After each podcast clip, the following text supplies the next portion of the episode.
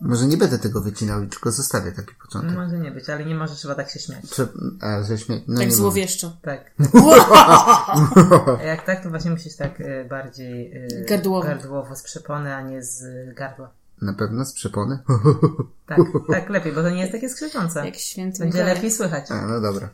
Cześć, tu Ewa. Aneta? I Kuba. I razem prowadzimy bloga Kulinarnie Niepoważni, a wy trafiliście na nasz podcast, którym będziemy rozmawiali o jedzeniu na wyjazdach.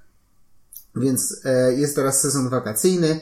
Niezależnie od tego, czy siedzicie teraz gdzieś pod palmą, albo dopiero planujecie wyjazd, powinniśmy sobie zadać jedno bardzo podstawowe pytanie. Czy powinniśmy jeść lokalne jedzenie na wyjazdach? Ja uważam, że tak. E, I myślę, że trzeba próbować. Dziewczyny, jakie wy macie zdanie swoje? Ja też uważam, że trzeba próbować, ale nie zawsze nam dane miejsce w tym pomaga. Okej. Chcesz to rozwinąć? To jest taki insight, bo zanim zaczęliśmy nagrywać, Aneta powiedziała, że przytoczy Budapeszt, więc może najpierw Aneta powiedz, czy ty uważasz, że powinno się jeść na wyjazdach? I wysuń oskarżenie. Lokalsowe jedzenie, czy powinno się jeść? Ja uważam, że powinno się jeść i szkoda nie skorzystać z okazji, jak jesteśmy gdzieś za granicą, a nawet jeśli jesteśmy w Polsce w jakimś innym miejscu. I czekam na to teraz, i teraz leci pocisk. Bum! E, Ewa też powiedziała, że uważa, że powinno się jeść lokalsowe jedzenie, przy czym jak byliśmy w Budapeszcie, to miała straszny taki ból, że to jedzenie lokalne nie jest tak smaczne, jakby chciała. Smaczne czy ładne? Smaczne i ładne. Okej. Tak, to prawda, że miałam kryzys w Budapeszcie. E, miałam zupełnie inne wyobrażenie na temat e, tej kuchni i gdzieś wszędzie brakowało mi jakości i smaku. Natomiast dalej uważam, że trzeba próbować. Natomiast e, A ja pamiętam, bo ty szukałaś tej mitycznej kiełbasy wszędzie. ja szukałam tej e, nie mitycznej, tylko ona na bazarach była. No. Natomiast bolało mnie to, że w knajpach była podana, podawana słabej To jakości była wie, kiełbasa. wieprzowa i kie... To była mangalica. A, mangalica, tak, dokładnie. Węgierska świnia mangalica, no. Także po prostu w knajpach e, to nie jest tak, że tej kuchni, tą kuchnię w ogóle skreślam. Ona oczywiście jest ciężka i na dłuższą metę bym nie wytrzymała.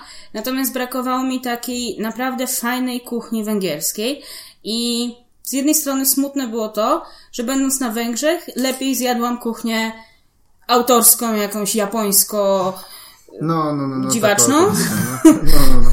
Czy śniadania europejskiej niż, niż prawdziwą węgierską kuchnię. No. I to właśnie ten wyjazd był przyczynkiem do nagrywania tego podcastu tak naprawdę, bo zaczęliśmy się zastanawiać wtedy, czy trzeba jeść lokalsowe jedzenie w wypadku, kiedy tak trudno je znaleźć, bo w Budapeszcie bardzo ciężko było znaleźć lokalsowe jedzenie. I znaleźliśmy jedno, tak, jedno takie miejsce, które daje powiedzmy taką typową węgierską, chłopskie, nawet bym powiedział, jedzenie, ale to był bar mleczny, w którym wszystko było sprzedawane na gramy i na porcje. E, I to nie był pierwszy wybór, jak się przyjeżdża do jakiegoś miasta, żeby gdzieś zjeść. A o dziwo było tam smaczniej Ale niż w tak. restauracji potem. Tak, tak, dokładnie. Czy w tak. restauracji, no. No, w lokalach generalnie, nie? No i samo jedzenie na Węgrzech było trochę brzydkie i ciężko było wybrać coś, nawet spoglądając komuś przed ramię, przez ramię w talerz. No wiadomo, że oni jedzą gulasze. to jest takie jedzenie, które nie jest wyględne. Ani w Google jak tego szukasz, ani, ani jak to wybierasz. Ale potem był wyjazd do Portugalii, który trochę zmienił to zdanie, czy nie zmienił tego zdania. Jedliśmy bardziej lokalsowe jedzenie. Wydaje mi się, że doszliśmy do, do tego wniosku już w Budapeszcie, że trzeba próbować, ale nie, na, nie trzeba na siłę się nastawiać, że nam to posmak- zasmakuje. I w Portugalii pojechaliśmy już z takim nastawieniem i między innymi Francesina, no zamówiliśmy ją, spróbowaliśmy. Wyjaśniamy, co to jest francesina. E, tost z białego pieczywa, w środku z trzy różne rodzaje mięsa, całość przykryta grubą warstwą sera i zalewana e, sosem pomidorowym na bazie wina chyba. I piwa. I piwa, tak. W gorszych wersjach są też tam parówki, Parówki. w środku. Znaczy, A to jeszcze- bardzo popularne, że tam są parówki w środku. Tak. No ja nie lubię parówek, więc dla mnie to od razu... Na że szczęście tak trafiliśmy i to jest właśnie też rozwiązanie. Y, Co innego jest y, bronić się przed kupieniem danego produktu re- regionalnego czy potrawy, natomiast y, no, trzeba szukać w dobrej wersji tego.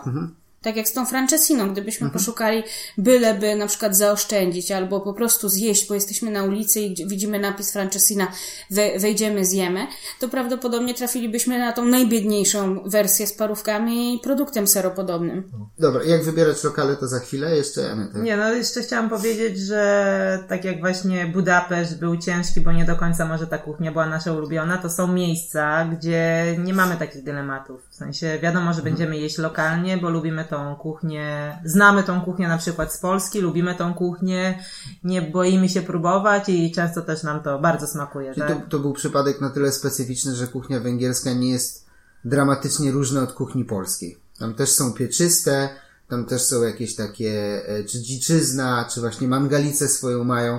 Tam ma, nie ma nic takiego ajwaj, czego byśmy nie zjedli w Polsce pod takim kontekstem smakowym albo składników, nie? To nie są, nie wiem, jakieś tajskie bazylie, tamaryndowce, e, Tylko bardziej może chodzi, tak. tylko bardziej chodzi przynajmniej o nas, tak? Jeśli my mówimy o sobie, no to pomyśl, że my nie jemy polskiej kuchni tak nie często. na co dzień, tak. Jemy u rodziców, Tak, czasem gdzieś wyjdziemy do restauracji, ale też raczej w jakiejś wersji nowoczesnej.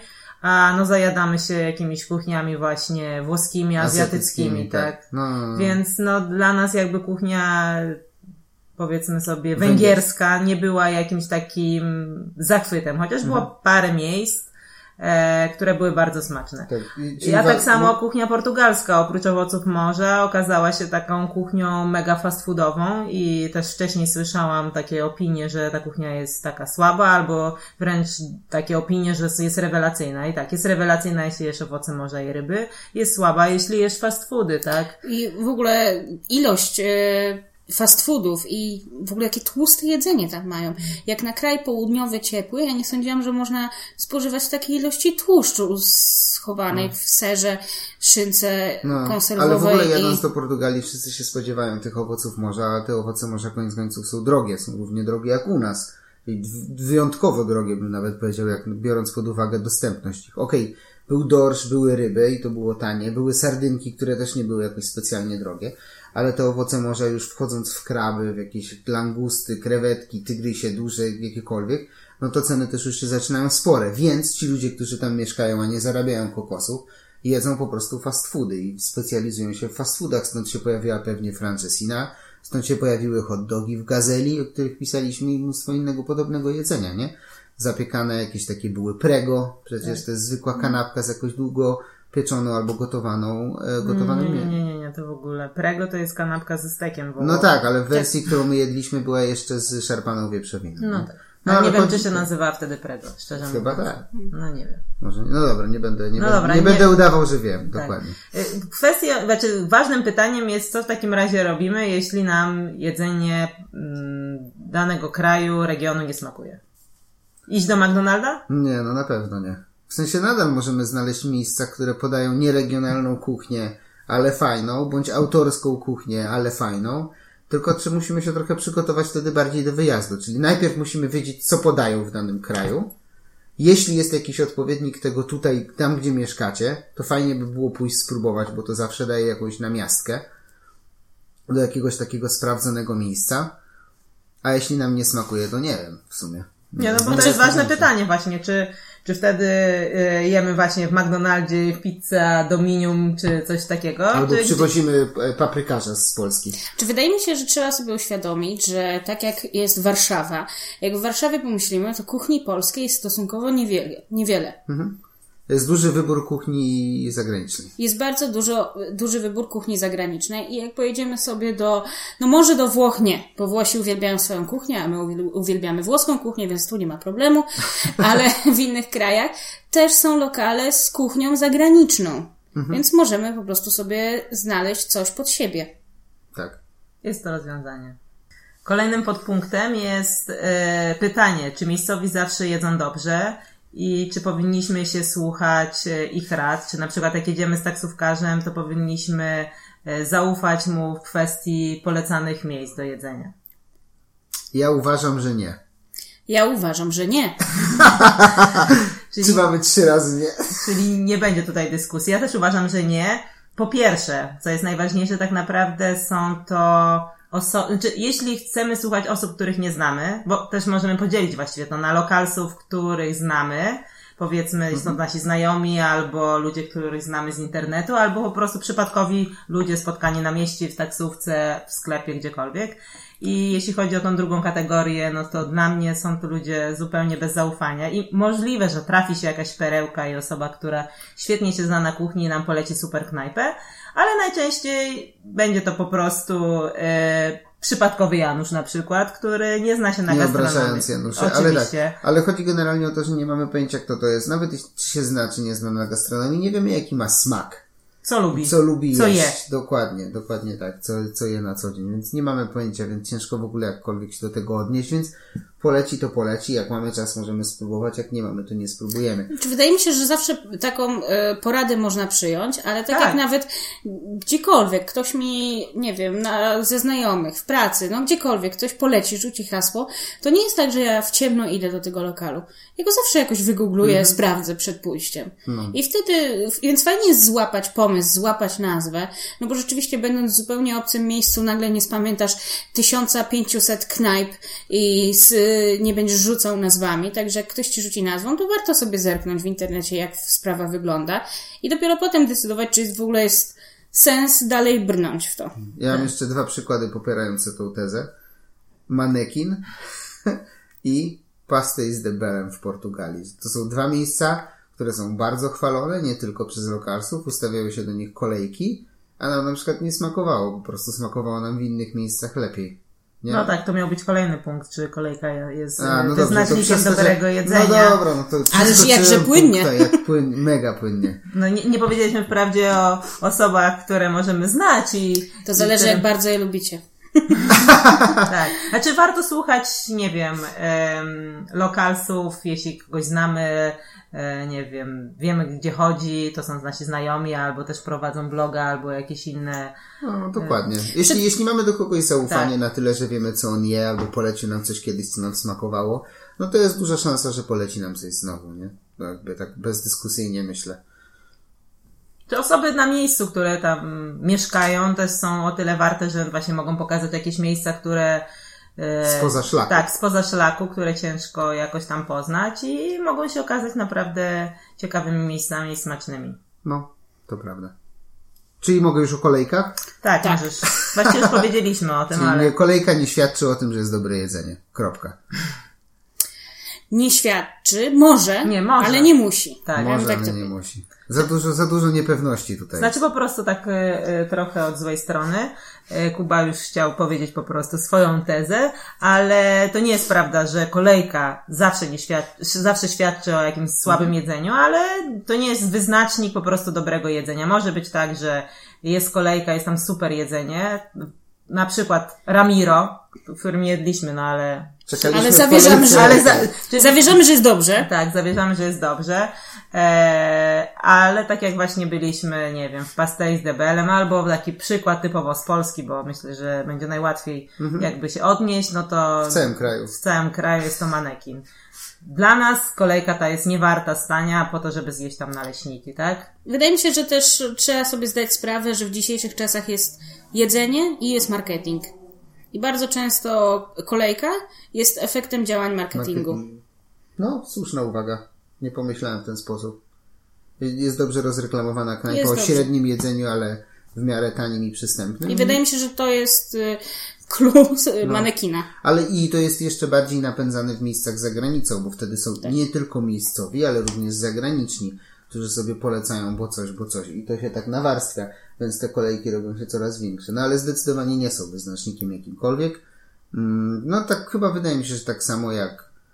No, To znaczy, ma- ja bym się nie zgodziła. Ja bym prędzej powiedziała, że są wyznacznikiem, lecz nie zawsze. Trzeba mieć na uwadze, że nie zawsze. Weźmy pod uwagę na przykład y, o nasze owoce morza w Portugalii. Szliśmy alejką, która świeciła pustkami. Do samego morza, cała taka ścieżka szła do, do, do, do samego morza. Wszystkie, do, przepraszam, oceanu. E, wszystkie lokale były puste. I nagle jest jedno miejsce, do którego my idziemy i okazuje się, że z kolejka i czekanie na 20, no na 20 minut to jest i tak krótko, tak? No, no, to prawda. Czyli jakby za kolejką też stała jakość. Mówisz o tabernie teraz Tak. w Porto. Okej, staram się skojarzyć lokal, tak. I wydaje mi się, że jak weźmiesz na 100 przypadków, to kolejka jednak stoi za dobrym jedzeniem, Mhm. ale powiedzmy na te 100, na dziewię- 90 stoi, 10 nie stoi, bo to jest jakiś Mhm. chwyt marketingowy. Okej. No, chyba tak. E, I to samo można chyba powiedzieć o pełnych lokalach. W sensie dużo czasami zależy od tego, gdzie lokal jest usytuowany i co podaje, albo jak jest na jakimś ważnym szlaku turystycznym i siedzi mnóstwo ludzi, jest zajebane, jest pół godziny kolejki, a nadal jedzenie jest słabe, tylko po prostu jest to jedyny lokal, do którego można dostać się od razu koło jakiegoś e, zabytku na przykład i wszyscy tam siadają na kawę i coś przy okazji jedzą, bo są głodni, bo zwiedzali przez 5 godzin, ale to wcale nie znaczy, że to jedzenie tam jest dobre. To No, prawda. to jest kwestia też tego, o której godzinie przyjdziemy często do lokalu, tak? Bo możemy przyjść, tak jak w tych wszystkich południowych krajach, tak? Oni otwierają tam po sieście mniej więcej o 19 i prawdopodobnie może jak przyjdziesz tak równo o 19, to zastaniesz lokal pusty, tak? To okaże się, jakbyś przyszedł 19.30 czy 20, to raptem wszędzie jest pełno, tak? I de facto idziesz o 19 jest wszędzie pusto, idziesz o 19.30 i wszędzie jest pełno i ciężko Prawda. to mówić, gdzie jest teraz dobrze, a gdzie jest teraz To źle, jest bardzo tak? cienka taka granica między dobrym jedzeniem, dobrze rozreklamowanym jedzeniem, a słabym jedzeniem. Wydaje mi się, że nie można nigdy brać jednego czynnika pod uwagę, tylko wyliczyć sobie średnią. Po prostu tak. No ja nie mówię, że musisz z kartką chodzić i długopisem i liczyć, ale to jest tak, że musi się nałożyć kilka rzeczy, żeby cię przekonało do tego, że ten lokal jest dobry lub niedobry. Prawda. Czyli tak, skoro jest bardzo dużo szarej strefy, nie wiadomo co wybrać, ludzie w lokalu nie świadczą o tym, czy jest dobre, nie wiadomo, czy ich poleceń się słuchać, to w takim razie jak znaleźć dobre jedzenie na wyjeździe? Pierwsza sprawa, jak dla mnie, jest to e, tak naprawdę research przed wyjazdem i właściwie głównie na nim polegamy, tak, w naszych wyjazdach. E, I to jest ileś tam godzin spędzone w różnych, wiedziałem- w internecie powiedzmy sobie. Wiedziałem, że Aneta pierwsza wystąpi do szeregu, bo to ona u, nas robi research na wyjazdach. Mów, kontynuuj. Dziękuję za reklamę. Jakby ktoś chciał, to polecam się. się szykował do wyjazdu. E, tak, więc jest to research przed wyjazdem, ileś tam godzin spędzonych w internecie na poszukiwaniu miejsc. I tak naprawdę drugą sprawą, no to jest już tak jakby sprawdzanie na miejscu. Bo sobie spacerujemy, widzimy te miejsca, których nikt inny nie polecał, albo nigdzie ich nie znaleźliśmy, oglądamy sobie szyldy, menu, przechodzimy obok i decydujemy się tak naprawdę, czy gdzieś pójść, czy nie pójść, tak? Znaczy rzad- rzadko korzystamy już chyba na miejscu właśnie z takich em, lokalnych poleceń, e, a głównie po prostu, jeśli gdzieś przechodzimy, to nam powiedzmy w- wpadają w oczy jakieś fajne miejsca, które jeszcze byśmy chcieli No dobra, dobra, ale zanim, zanim wyjedziemy, zanim wyjedziemy, jak, jak research? Od czego zaczynamy szukać? My przede wszystkim zaglądamy, myślę, że po blogach, z racji tego, że sami też piszemy, to szukamy u ludzi, którzy też piszą. I najpierw u tych, których czytamy najczęściej i mamy największe zaufanie do nich, albo wiemy, że pokrywamy się najbardziej smakiem i poleceniami i tam patrzymy, czy po prostu oni tam byli.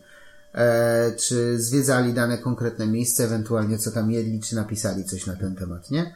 Jeśli wśród tego kręgu nic nie znajdziemy, no to wtedy powiedzmy pozostałe e, blogi, które znamy, ale może których nie czytamy na bieżąco, żeby zobaczyć, czy oni tam byli. Jest powiedzmy większy zakres ten zaufania, że możemy coś trafić fajnego bądź nie, więc trzeba więcej, mm, więcej czasu spędzić jak, spędzić, jak już znajdziemy jakieś miejsce, żeby je jeszcze dodatkowo sprawdzić. No ale też powiedzmy gromadzimy jakąś pulę miejsc.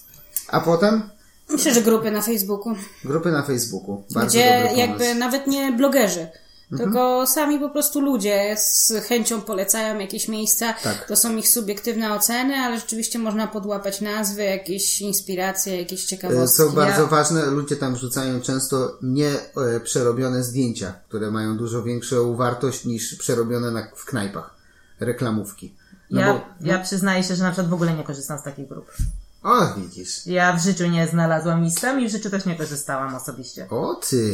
Ha. A ja, a ja sprawdzałem na grupach. Ale, Ale nie jestem ci w stanie teraz dać jakiegoś przykładu, co jedliśmy, co było ewidentnie z grupy.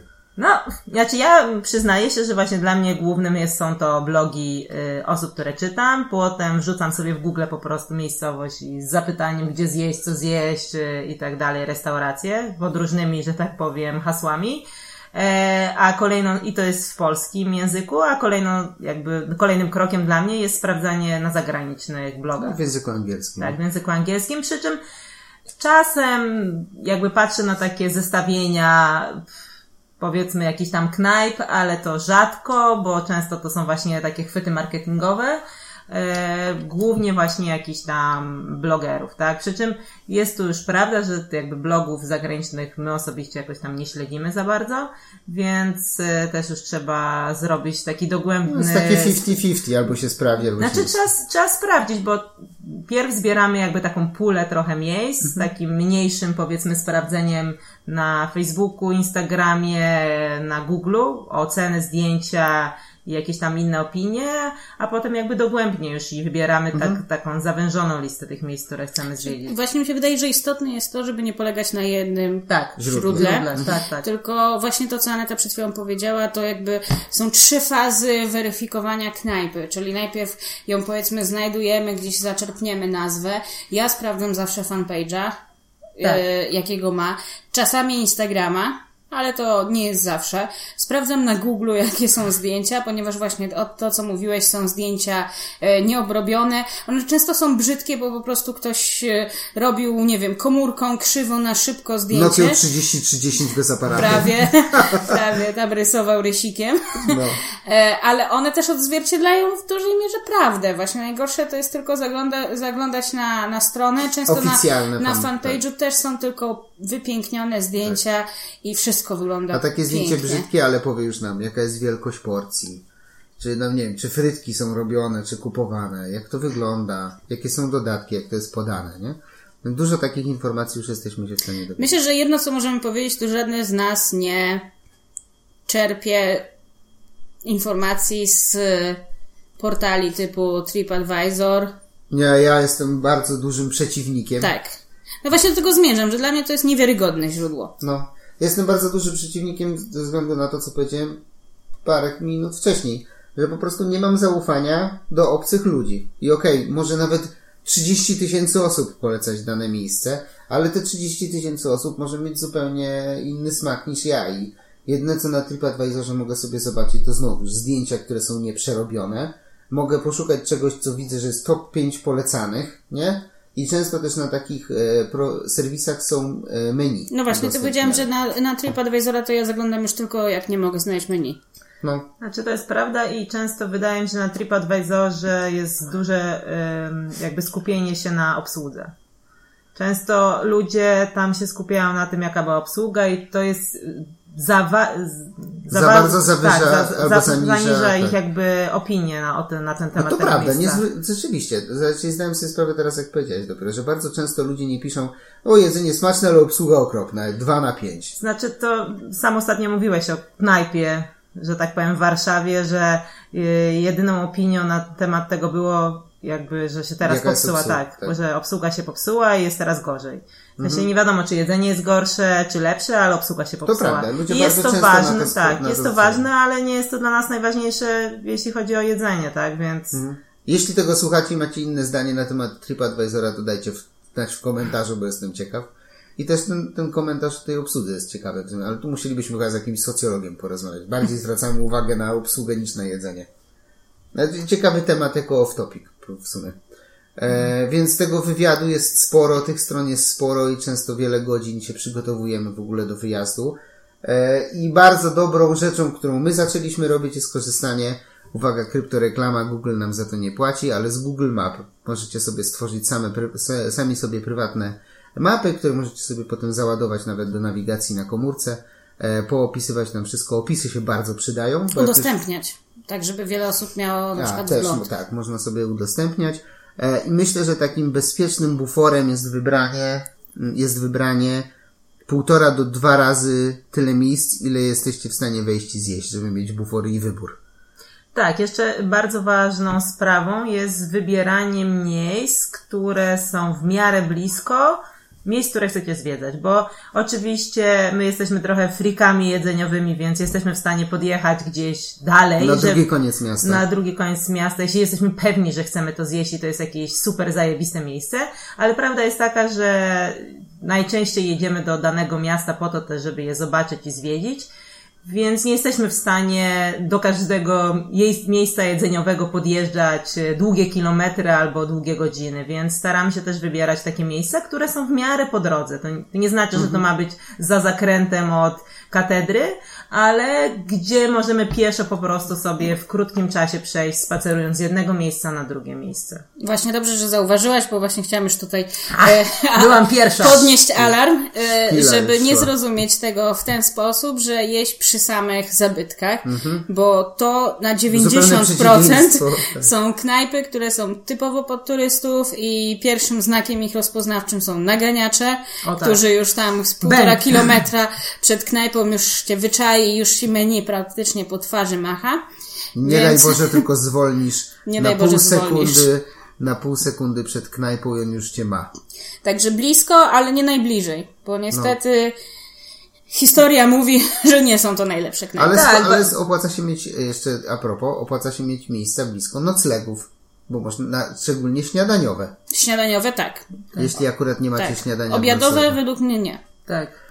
Prawda. Bo nie wrócisz, nie wrócisz w połowie dnia pod dom i potem z powrotem na przykład. Jeszcze wszystko zależy od tego, gdzie, gdzie masz, e, gdzie masz nocleg. Jak zwiedzasz? Jak no, jest dużo takich, takich punktów. Dużo tak, jest ale... czynników. Ale chodzi o to, żeby sobie jakby bardzo fajnie jest rozpisywać sobie właśnie na tej mapie miejsca, które chcemy zwiedzić, zaznaczyć je i potem dorzucać miejsca jedzeniowe. I wtedy jakby wyklaruje nam się też miejsca, które łatwo jesteśmy w stanie zahaczyć i No. To pomaga potem zjeść. zrobić też taką trasę zwiedzania, widać to na mapie od razu, że na przykład jednego dnia opłaca się zwiedzić tą trasę. Mamy po drodze trzy zabytki, dwa miejsca do jedzenia, jeden deser do domu i cały dzień zaplanowany. I sama, sama, sam plan wycieczki się tak naprawdę robi, więc jest to, jest to spoko. Co tam jeszcze? O czym mieliśmy jeszcze powiedzieć? Zaglądamy do notatek. Szuruburu, proszę poruszać trochę kartkami, żeby było, że jesteśmy przygotowani trochę. No mamy mało tych kartek, bo raptem jedną. To proszę nie mi szurać. Nią. Proszę, sz- szuramy kartką. Czyli tak, wiemy, że trzeba się przygotować, ciężko jest zjeść. E, Ja uważam, że powinno się próbować lokalnej kuchni. E, Przede wszystkim, jeśli ta lokalna kuchnia ma do zaoferowania składniki, które są niedostępne albo trudno dostępne u nas, albo tak jak w przypadku na przykład Portugalii są świeże owoce morza versus u nas sprowadzane owoce morza. Na przykład. Jeśli jest to drogie, no to pozwolić sobie na to raz, zamiast jeść to codziennie na przykład. Wszystko w zależności od naszego budżetu. Tak, jeszcze o, jedną ważną rzeczą, e, z racji tego, że propagujemy jednak jedzenie lokalnych, mieście, tak, nie, nie, nie na mieście, lokalnych produktów, to jeśli wasz budżet jest ograniczony, nas zresztą często też jest, po prostu kupujemy sobie składniki i robimy coś w domu. Tak O, jak na no. przykład bardzo często robiliśmy to i w Hiszpanii, i teraz w Portugalii. Kupowaliśmy sobie sery, szynki, Deska wędlin, winko serów, tak. oczywiście do tego.